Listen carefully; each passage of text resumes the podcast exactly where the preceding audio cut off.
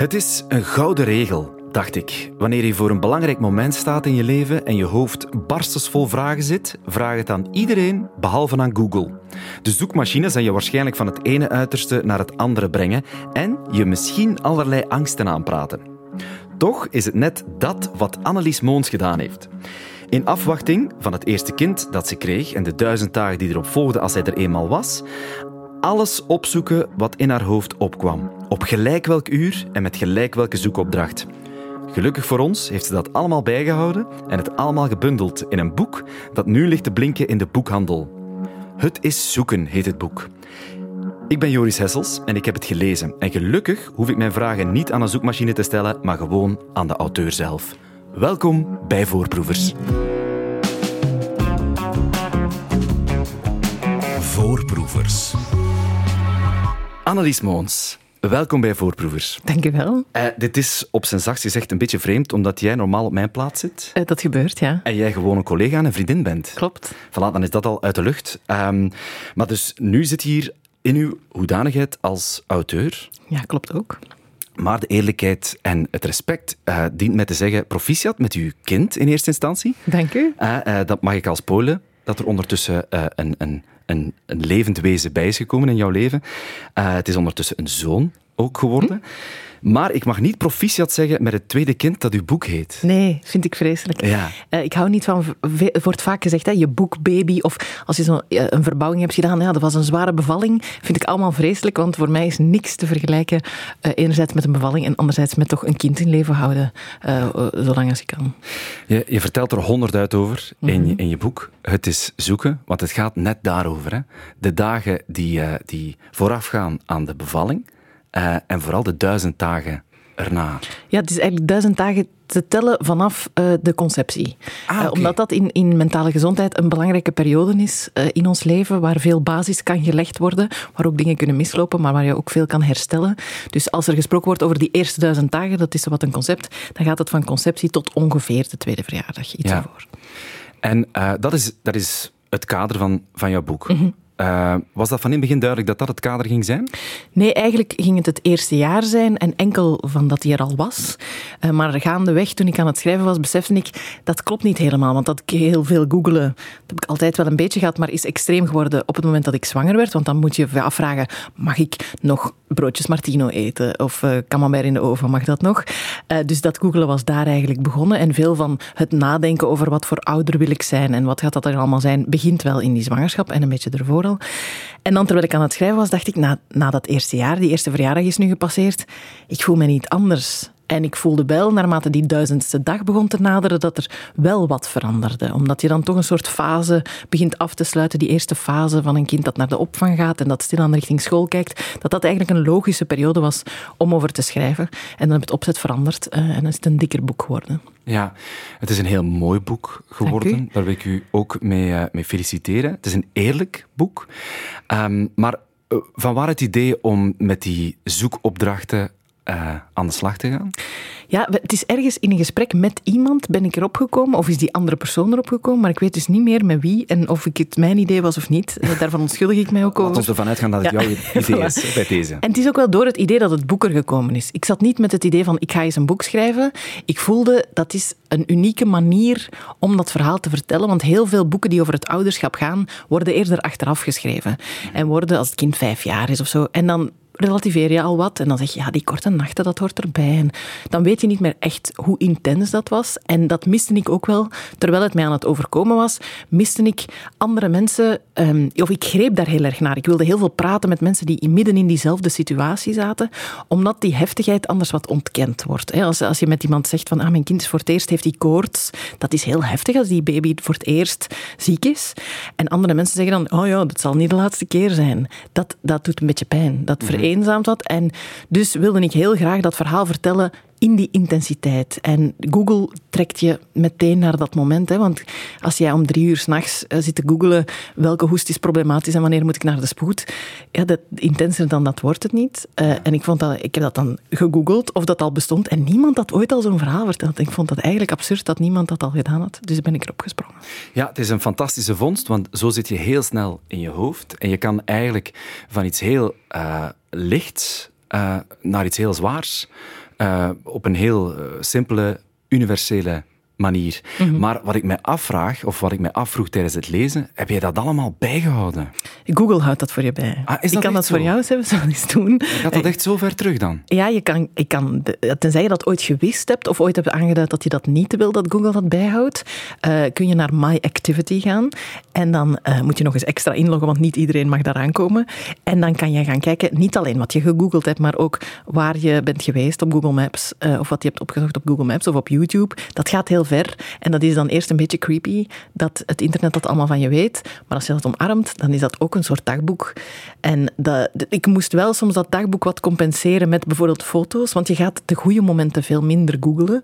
Ik moest heel weinig googelen, of ik, dat deed ik niet van, ah, ik heb net uh, de slappe lach gehad omdat mijn kind uh, iets raar deed, of een scheet liet. Dat google je niet. Dus ik moest wel genoeg zorgen dat ik ook de, de leuke dingen uh, ging onthouden, want Google onthoudt vooral de moeilijke dingen, want die vraag je dan hè, midden van de nacht. Ja, de, de, de, dat klopt. Maar um, als je die, die, uh, die zoekopdrachten dan ziet, mm -hmm. um, had je dan het idee, ik wil met al die zoekopdrachten aan de slag? Of heb je dan toch nog een filter toegepast? Nee, achteraf, als het boek al uit was, vroeg iemand mij van, ah ja, en dan heb je gecensureerd en dan ben je beginnen schrijven. Ja, want ik heb niet de indruk dat er heel veel gecensureerd nee, is. Nee, ik dacht, shit, dat ik dat, sorry voor mijn vloek, nee. uh, had ik dat moeten doen, daarin censureren. Maar ik denk net omdat ik dat verhaal zo eerlijk mogelijk wou brengen, om andere mensen dan misschien hopelijk minder eenzaam te doen voelen of om te tonen van kijk, dit is de heftigheid.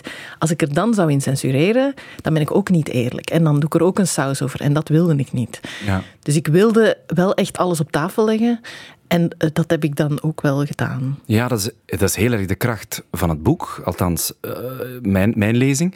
Uh, je zei, ja, ik hoop dan toch dat het, dat, dat zo terechtkomt bij de lezer. Is dat de lezer die je voor ogen houdt? Uh, of voor ogen hebt gehouden? In eerste instantie, toen ik begon, was het wel echt voor me, bijna voor mezelf in die periode. Voor echt zo midden erin. Um, maar naarmate ik meer schreef, voelde ik ook wel... Ik schreef eigenlijk neer wat ik ook probeerde over te brengen aan mijn omgeving die misschien niet in die fase zat. Ik probeerde ook wel de verbinding die ik soms miste met mensen met geen kinderen in dat boek wat te steken. Of zo. Ik probeerde het uit te leggen ook voor iedereen. En dat voel ik nu ook wel, nu het boek er uh, een paar weken is. Dat ook mensen zonder kinderen bijvoorbeeld lezen en zeggen ah, nu besef ik maar waarom ik plots wat minder belangrijk ben. Of waarom een, een weekend in Dardenne ineens helemaal anders is of niet meer te organiseren valt omdat mijn vrienden kinderen hebben gekregen. En, en dat vind ik ook wel heel waardevol. Dus ik ben eigenlijk blij dat meer verschillende mensen het lezen dan dat ik voor ogen had helemaal in het begin voor wie ik het aan het schrijven was. Ja, want ik, het viel mij ook op. Uh, we gaan daar niet onnozel over doen. Wij kennen elkaar heel goed. We hebben samen die podcast leesbaar en uh, we, zitten, we zijn samen ook uh, um, bevriend. Maar uh, zelfs ik uh, had soms de indruk uh, om, om dingen van jou te, te, te lezen die ik eigenlijk echt nog niet wist. Ja, ik denk zelfs mijn partner, die, die waar ik heel veel mee praat en die erbij was. Ah, waar je heel veel over schrijft. Waar ik heel veel over schrijf. Die zei mij na het lezen, er zijn nog dingen die ik niet wist, die ik hier gelezen heb. En ik denk, als ik dan heel eerlijk ben, ook dat ik mezelf ook wel verrast heb met sommige dingen. Soms is het ook maar, zeker in zo'n periode waar alles op je afkomt, dat maar door het op te schrijven, dat je het echt beseft wat er gebeurt. En ik had ook wel soms al, ik heb het tijdens die duizend dagen geschreven, maar soms was het wel een paar maanden achteraf. Of ja, soms vroeg ik mij ik... af, want, want die, uh, alles wat er jou overkomen is, was heel erg overweldigend. Althans, dat, dat, dat, dat komt zo over in het, in het boek. En met alle recht en reden natuurlijk. Het is ook een, een aardverschuivende gebeurtenis. Uh, dan kan ik mij niet voorstellen dat je daar en dan uh, die hoofdstukken geschreven hebt. Voor een stuk wel. Ik ben beginnen schrijven als hij um, net een jaar was. Um, dus een deel is, is achteraf gebeurd. Maar wel door die Google wist ik wel heel erg waar ik toen was en wat de emoties waren. En een heel groot stuk van het boek, het tweede jaar, heb ik wel tijdens geschreven. En dan heb ik heel vaak de, de, de intense gevoelens, het soort dagboekachtige, meteen opgeschreven. Om dan terug te komen uh, een beetje later en soms wel dingen in verband te kunnen brengen met elkaar. Of zo. Ik heb er wel, het is niet echt mijn dagboek in de zin dat ik er niet meer naar gekeken heb achteraf. Ik ben er wel nog eens doorgegaan en, en we hebben daar nog wel wat aan gewerkt. Uh, maar ik heb wel heel veel, heel veel is in middagdutjes geschreven. En ik denk ook dat ik geen ander boek had kunnen schrijven op dit moment, omdat het net het was wat ik aan het leven was. Het was waar het over ging in gesprekken. Het was, en ik moest het alleen nog opschrijven. Het ging ook wel echt vanzelf om dat allemaal op te schrijven. Ja, en vanzelf ga je terug door die seizoenen die, uh, die gepasseerd zijn. Ik, een boek, uh, zeker het jouwe, het is zoeken. Um, moet voor zich spreken en spreekt in dit geval ook voor zich. Uh, dus ik, ik heb jou gevraagd om, uh, om een uh, fragment mee te brengen. Ik heb het jou eigenlijk opgedrongen. Ja, je hebt gezegd welke pagina. Ja. Jij bent eerlijk geweest in het boek, ik ga nu ook eerlijk Dank zijn. U. Ik heb jou dit fragment voor, voor de neus geschoven. omdat ik voor het eerst de, de term mombrain gehoord heb. Ook een woord dat ik niet kende. Voilà, ja. ik ga het jou laten, laten voorlezen. Ja. Mombrain, wanneer voorbij? 7 uur 12. We zijn nog niet uitgepraat over het thema vreselijke woorden. Er zijn er veel die ik een jaar geleden nooit zou hebben gebruikt. Mombrain bijvoorbeeld. Naast kolf-BH, liniment, meconium en touched out. Niet omdat ik niet wist wat het was, maar omdat het zo absurd leek. Ondertussen weet ik beter. Mombrain is een ding en het is hilarisch, vreselijk en het blijft maar duren. Voor mij begon het al tijdens de zwangerschap. Diezelfde prachtige hormonen die voor de baby zorgen, blijken ook willekeurige gaten in je hersenen te boren. Op zich ben je een mens aan het bouwen en in leven aan het houden, dus oké, logisch. Maar ik had geen idee dat het zo verregaand zou zijn. Je kan met mij intussen overal twee keer komen, want ik herinner me de eerste keer toch niet meer. Plots moet ik de weg opzoeken naar plekken waar ik wekelijks kom. En ook mijn zoektermen spreken boekdelen. Ik zoek namen op van mensen die mij berichtjes sturen om een proficiat te wensen met mijn kind. Sorry, collega's en vrienden van mijn ouders, ik had geen idee wie jullie waren. Maar ik google twee keer het woord demonstraties. En ik heb bij het schrijven van dit boek echt een uur nagedacht over het waarom. Maar ik heb nog steeds geen idee. Mombrain over mijn mombrain is ook een ding blijkbaar. Ik ben plots ook geïnteresseerd in Hugo Balzac en één minuut later Hugo Balzac Paris. Die zal dan vanwege de naam van mijn kind zijn geweest. Maar ik google ook Philippe, dat is de naam van mijn boekhouder, en ik denk dat ik hoopte dat Google daarmee genoeg zou weten om mij naar zijn mails te loodsen, aangezien dat bedrijf toch zoveel van mij weet. Zelfs Niels typ ik eens in, dat is dan mijn partner, en ik blijk ook te willen dansen met mijn kind. Baby Waltz. En ik google ook Where do my organs go when pregnant? Voor alle duidelijkheid, Hugo is de naam van jullie, uh, van jullie zoon. Ja. Uh, zoon die jij met, uh, met Niels voortgebracht hebt. Ja, um, wat ik mij afvraag, um, als je dan dat boek herleest, um, of je bent het aan het schrijven, want dan heb je het al beleefd en dan schrijf je over wat je beleefd hebt. Ja, hoe is dat om terug in, daarin te gaan? Om terug te zien van, ah, dat heb ik allemaal gegoogeld. Dat lijkt wel een andere Annelies Moons te zijn. Ja, ik, uh, dat was soms wel intens. Uh, want ik zag bijvoorbeeld ook radio-uitzendingen die ik hier gemaakt had, uh, integraal terugkeren. Dan kon ik zien welke interviews ik op diezelfde vrijdag had gedaan in die periode. maar natuurlijk ook ja, wat, wat, je allemaal meemaakt. De eerste keer is dan als je door die zoektermen gaat. De tweede keer is dat je dat schrijft. De derde keer is dat je dat herschrijft. En ik ga daar niet lullig over doen, dat is wel een beetje therapeutisch. ook als ik dan, ik heb dan als het boek er was, het audioboek ingelezen. En dan het, er is iets gek aan het vertellen met je stem, echt nog eens luidop.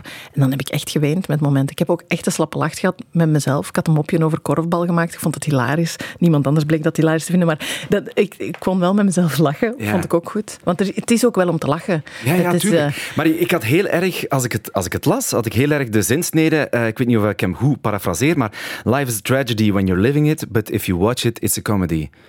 Ja. Uh, de, de, de, de geestigheid van ernaar te kijken, maar als je erin zit, uh, het is vaak ook wel echt heel eenzaam en heel heftig geweest. Ja, ja zeker. Um, dat zijn natuurlijk momentopnames. Uh, dat is niet, wil niet zeggen dat ik de hele tijd en nu nog altijd de hele tijd zo eenzaam ben, maar ik ben wel heel eenzaam geweest.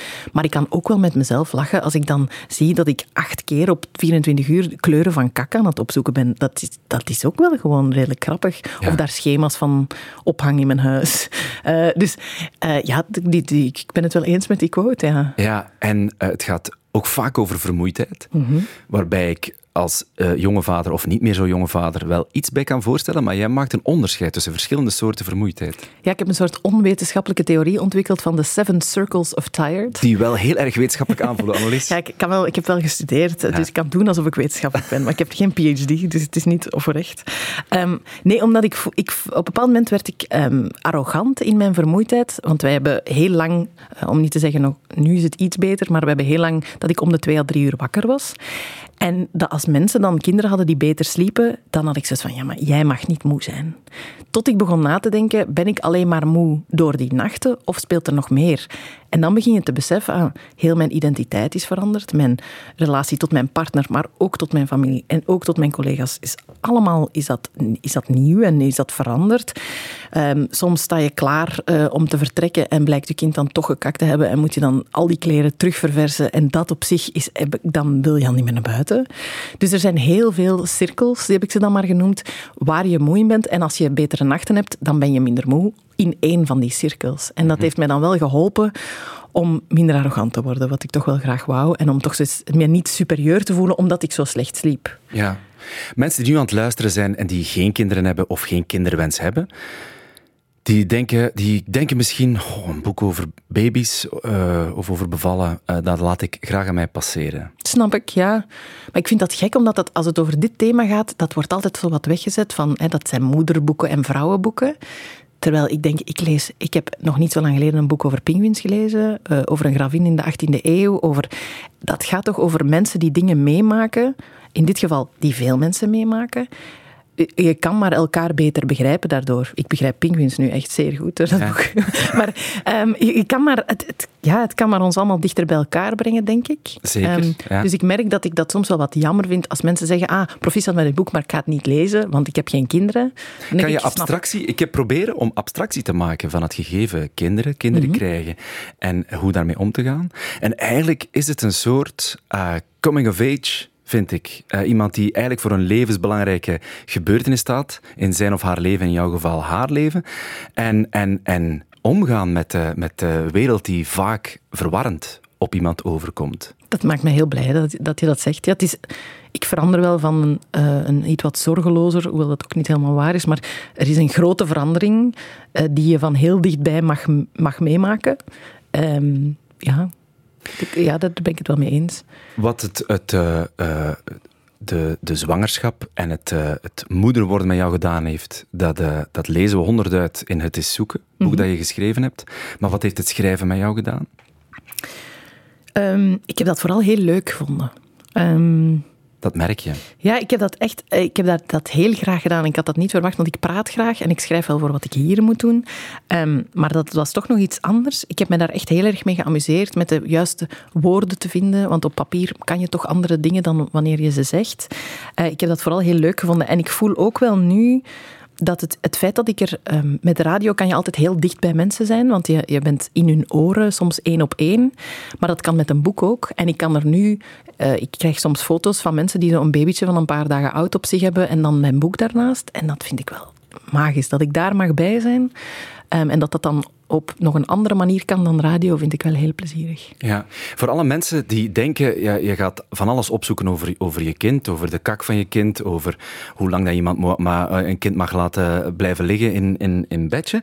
Um, maar ik heb je ook gevraagd om um, iets, uh, iets voor te lezen. Mm -hmm. um, dat niet enkel gaat over uh, het opzoeken van uh, op bladzijde 161. goed, ik was aan het twijfelen. Ja, ja, goed dat je het zegt. Ja. Voilà.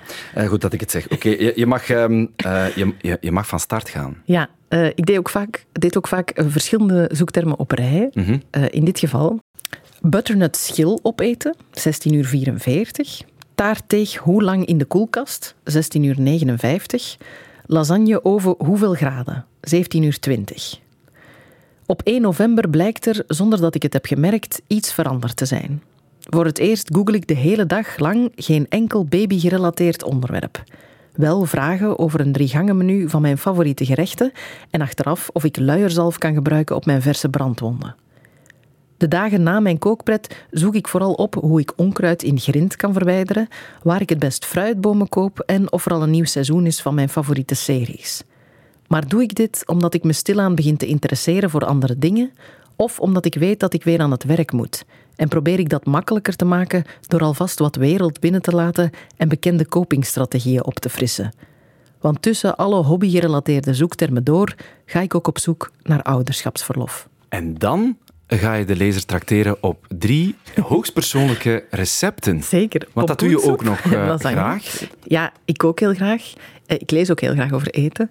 Ehm, en toen zei mijn uitgever, waar zijn die recepten? Je schrijft hier over dat eten en je uh, zet die recepten er niet bij. Dus hebben we dat wel gedaan. En dat is niet gemakkelijk, kan ik u vertellen, recepten schrijven. Ja, dus shout-out naar alle koks. Zeker, um, dat was veel moeilijker dan de rest van het boek. Pompoensoep lees ik hier, uh, lasagne. En dan krijg je ook nog gratis en voor niks de makkelijkste appeltaart die je maken kan. Uh, een recept van Annelies, Annelies Moons. Heb je het al geprobeerd? Nee, nog niet. Nog niet. Um, ik, ik, heb, ik, heb dat, ik heb dat boek tot mij genomen en dan bij de tweede lezing zal ik, zal ik die recepten proberen tot de realiteit uh, te vormen. Maar ik kan niks beloven, want ik ben niet de grootste kok. Maar het is makkelijk, hoor. Ja, ja, maar dan nog, dan nog. Durf ik het al eens te verknallen. Um, maar het, het, gaat over jou, meer bepaald over jouw boek. Het is uh, zoeken. Je hebt mij ook uh, wel wat dingen bijgebracht. Ja? Over opvoeden. Oké. Okay. En je hebt mij ook vaak doen sms'en naar mijn vriendin. Met de simpele boodschap sorry dat ik zo weinig gezegd heb, dat je dat eigenlijk fantastisch aan het doen bent. En sorry dat ik eigenlijk te weinig heb stilgestaan bij wat jij allemaal aan het doormaken bent. Want ergens lees ik in jouw boek, spreken is zilver, zwijgen is eenzaam. En uh, dat is een thema met permissie dat eigenlijk door elke letter van dat boek ademt. Um, ja, uh, dat, dat, ja, dat klopt. Er wordt heel veel niet gezegd. Mhm.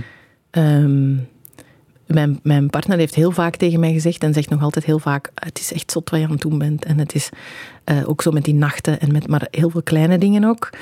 Um, en het, ik, het, ook mijn zwijgen was eenzaam. Uh, bijvoorbeeld, ik, ik gaf daar net het voorbeeld van als iemand dan, je kind is ziek de eerste keer en die zegt, ah ja, maar dat passeert en dat hoort erbij. Ik had op zo'n moment ook kunnen zeggen, ja, maar op dit moment is dat heftig. Of, en ik had heel vaak niet de energie om op zo'n momenten dan in te gaan um, daarop. Dat zijn ook niet de makkelijkste gesprekken om dan te zeggen tegen mensen, ja, je mag dat niet zeggen of dat doet mij pijn dat je dat zegt. En ik heb op heel veel momenten wel die stilte gevoeld van alle kanten. Of de ongemakkelijkheid soms, dat er mensen weten niet wat zeggen, dus zeggen niks. Of, uh, of zeggen clichés. Of, ja, um, dat, was geen, ja, dat is niet makkelijk. Resoneert dat bij veel voornamelijk vrouw, vrouwelijke lezers dan?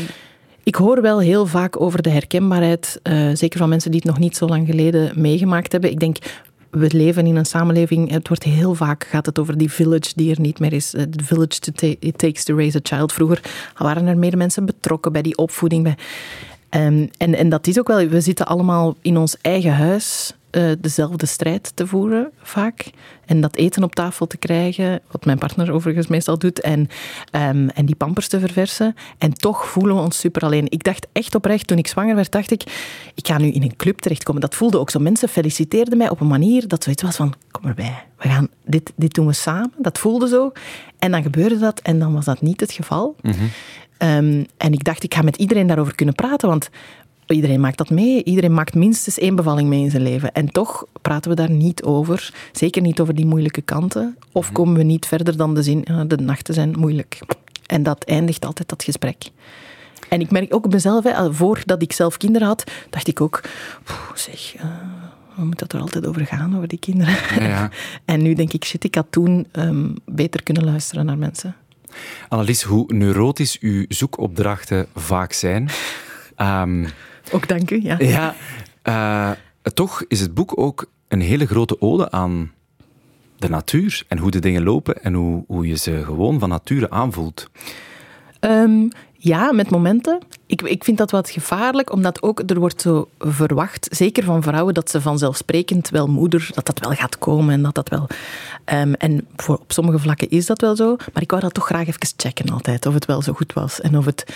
Um, maar er, er, er kan wel veel vanzelf komen, denk ik, maar ik denk ook niet dat dat altijd zo is. Mhm. Dat dat moet, of dat dat... Uh, uh, maar ja, het is wel zot als u door de borstvoeding dat je dezelfde slaapcyclus als je kind begint te krijgen of dat je je kind helpt als hij een verkoudheid heeft door dat jij een kus geeft op het hoofd van je kind, Mhm. weet mijn lichaam, ah, ik moet immuunsysteem, uh, mijn immuunsysteem aanspreken en dan kan ik zo via de borstvoeding mijn kind helpen om sneller beter te worden. Dat soort dingen vind ik wel waanzinnig. En dat Ja. weet je niet op voorhand, wat dat lichaam allemaal kan. En dat is dan wel zalig. We zijn ondertussen meer dan duizend dagen verder. Hoe gaat het nu met uh, Hugo? Ja, goed. Het is een plezier om bij te zijn. Ik vind het echt een heel leuk kind. Ja, het wordt nu, hij wordt nu een publiek figuur, hè? Uh, wel waar, ja. Ik uh, eindig mijn dankwoord ook met hem te bedanken om mij te vergeven dat ik dit alles over hem heb opgeschreven. Ik hoop dat hij dat effectief gaat doen. Ja. Um, ja Eentje bij wie je dat ogenblikkelijk kan checken is je geliefde, mm -hmm. Niels, Niels Boutsen, die we ook kunnen kennen als Stoomboot. hij maakte heel veel liedjes en dat heeft hij in die periode dat jij dit boek geschreven hebt ook gedaan. Ja, hij heeft echt in de weken na de geboorte heeft hij heel veel geschreven, vaak terwijl hij probeerde ons kind te troosten. Um, want dat kind had in het begin een, um, een haat tegen de gitaar, wat Niels zijn favoriete instrument is en zijn enige op dat moment, wat een soort existentiële crisis naast dat vaderschap dan nog met zich meebracht. En dan is hij piano beginnen spelen uh, met ons kind in de draagzak. En heel veel van de nummers zijn zo ontstaan. Um, en het voelde dan ook wel fijn om uh, die plaat achter in het boek uh, mee te geven. Heeft hij die ook zo gereleased in het boek mee? Want het, zijn eigenlijk, het is zijn versie van de feiten. Uh, Hij heeft daar maar elf nummers voor nodig en ik 360 pagina's. Ja, je hebt het Het is zoeken genoemd en hij... Ook voor mij is het zoeken. Ja. Ik heb die titel verzonnen. het was wel mijn boek, hè, dat dus moet wel. Ja. Weer, uh, op, dat, is, ja, dat zegt ook veel over hoe wij, hoe wij ons, ons leven inrichten. maar dat, dat, dat schrijven, mm -hmm. um, Annelies, smaakt dat nu naar meer? Uh, ja, zeker. Maar ik denk wel dat ik een even dwingend idee moet hebben voor er een nieuw boek zal komen. Ik, ik, het is niet dat ik nu zo denk, ah, nu ga ik een ander onderwerp zoeken om over te schrijven. Ik voel wel dat het even, of toch redelijk dwingend moet zijn om terug daar te gaan zitten. Wat hoop je dat het doet bij, bij de lezer, jouw boek? Ik denk verschillende dingen. Um, ik denk die herkenbaarheid en het niet alleen voelen. Het weten dat er in die andere huizen ook mensen zitten met dezelfde gevoelens en dezelfde moeilijkheden en dezelfde leuke dingen ook. Um, dat is een grote, maar ook wel echt dat we elkaar, als we elkaar iets beter kunnen begrijpen, um, vind ik ook wel echt heel fijn. Ik hoor ook mensen die zeggen, ja, ik ben eigenlijk niet zeker of ik kinderen wil. En dankzij jouw boek heb ik wel meer een idee waar ik voor kies. Natuurlijk kan het nog helemaal anders zijn, hè, maar... Um, en al die, al die dingen ben ik wel ik heb nu al het gevoel dat voor mij is het geslaagd, omdat ik tien mensen heb die mij dat soort dingen laten weten. Mm -hmm. um, ja, dan... dan um... Het is nog maar net begonnen eigenlijk. Ja. Wacht tot mensen die deze podcast ja. beluisteren, die dat boek beginnen kopen. Voilà. Laat het um, mij vooral weten, want ik word er wel echt heel blij van. Ja. Heb je nog zo'n... Dat is moeilijk natuurlijk, hè? Een ultieme tip voor de jonge, toekomstige ouder die nu aan het luisteren is? Oh. Ja, ik vind dat heel moeilijk, want je wordt zo om de oren geslagen en om, met advies. Mm -hmm. um, ik denk misschien wel gewoon, het is echt, het is echt wel oké, okay, alles wat je hierbij voelt, of het nu vanzelf komt of niet vanzelf. Of je, ik was ook heel kwaad, dat staat ook in het boek, dat had ik ook niet zien komen. Maar eigenlijk alles wat je voelt door die verandering, weet dat het oké okay is, dat het zo heftig is en dat het, ook al doen mensen dat het de normaalste zaak van de wereld is, want omdat net iedereen het meemaakt, of veel mensen, Um, het is echt oké. Okay. Uh, het mag er allemaal zijn. Mm -hmm. En hoe is het voor jou, uh, jouw partner om uh, dat allemaal te lezen? Ja, die vond dat wel ook wel heftig op het moment dat hij het las. hij is er nu heel blij mee dat het er is en dat, het, dat, dat ik het gedaan heb. Hij is heel trots. En dat zegt hij ook heel vaak. En dat, dat heb ik ook wel nodig. Daar ben ik ook wel heel blij mee. Um, maar voor hem wel gek om dingen te lezen waar hij bij was en dan te lezen dat ik eigenlijk op dat moment me heel alleen voelde terwijl hij naast mij stond. Um, dat is wel, ja, wel gek, maar dat kunnen toegeven aan elkaar wil ook wel zeggen dat je daarna wel weer die verbinding kan voelen. Als je kan zeggen, ik was eigenlijk toen eenzaam en de andere kan dat horen en dat echt horen en dat niet zoiets hebben van ja, maar toen, ja, ik was eigenlijk daarmee bezig of daar niet in discussie over gaan maakt wel dat dat net eens zo sterk is. Ja, zo is het boek toch ook een beetje uh, een, uh, een, uh, een, een, een, gids voor relaties, opvoedingstips, zonder, zonder te pretenderen de waarheid in pacht te hebben. Ja, ik, ik denk dat ik, ik toon wat wij, voor ons is er geen andere manier in opvoeding ook. We hebben wel een specifieke stijl van hoe we het allemaal aanpakken. Dat is onze manier. En dat is ook echt niet om andere mensen aan te vallen. Maar er zijn wel andere opties dan veel mensen geven door wat ze zelf hebben ook meegekregen van thuis. En dat is ook prima, dat is niet onze manier. Um, maar uh, ik kan er wel inspiratie uit opdoen, dat denk ik zeker. Ja. Wij willen graag alles labelen, mm -hmm. um, vinden we belangrijk. Uh, maar dus ook boeken. Die moeten ook in een bepaalde categorie gelabeld worden. Maar bij jouw boek, met permissie, vind ik dat heel moeilijk. Ja? Wat, wat is dat nu voor een boek? Ah, wat, is, wat is dat nu voor een boek? Nee, maar het, is, het is geen roman. Nee. Eh, het is ook geen eh, zelfhulpboek. Ehm, ja, het is, het is autofictie, maar het is eigenlijk geen Geen- fictie. Ja, het is eigenlijk dan gewoon een soort autobiografie, maar dan maar van een stukje Ja. eh, van mijn leven, denk ik. Ja. Dat, dat, denk dat dat het Het is eigenlijk een categorie die we, die we nog moeten verzinnen. Hey, dus als we naar de boekhandel gaan, krijg ik een apart rek en dan staat er alleen mijn boek daarin. ik wens het u zo toe, Annelies. Graag. En ik wens u vooral eh, nog heel veel duizenden dagen met, eh, met, met uw kind. En ehm, ik lees ook wel een opening naar eh, uitbreiding. Maar daar moeten we dan misschien de volgende keer over komen vertellen. Is dat goed? Dat is dan een tweede dwingende reden ooit, misschien voor een tweede boek. Het zou kunnen.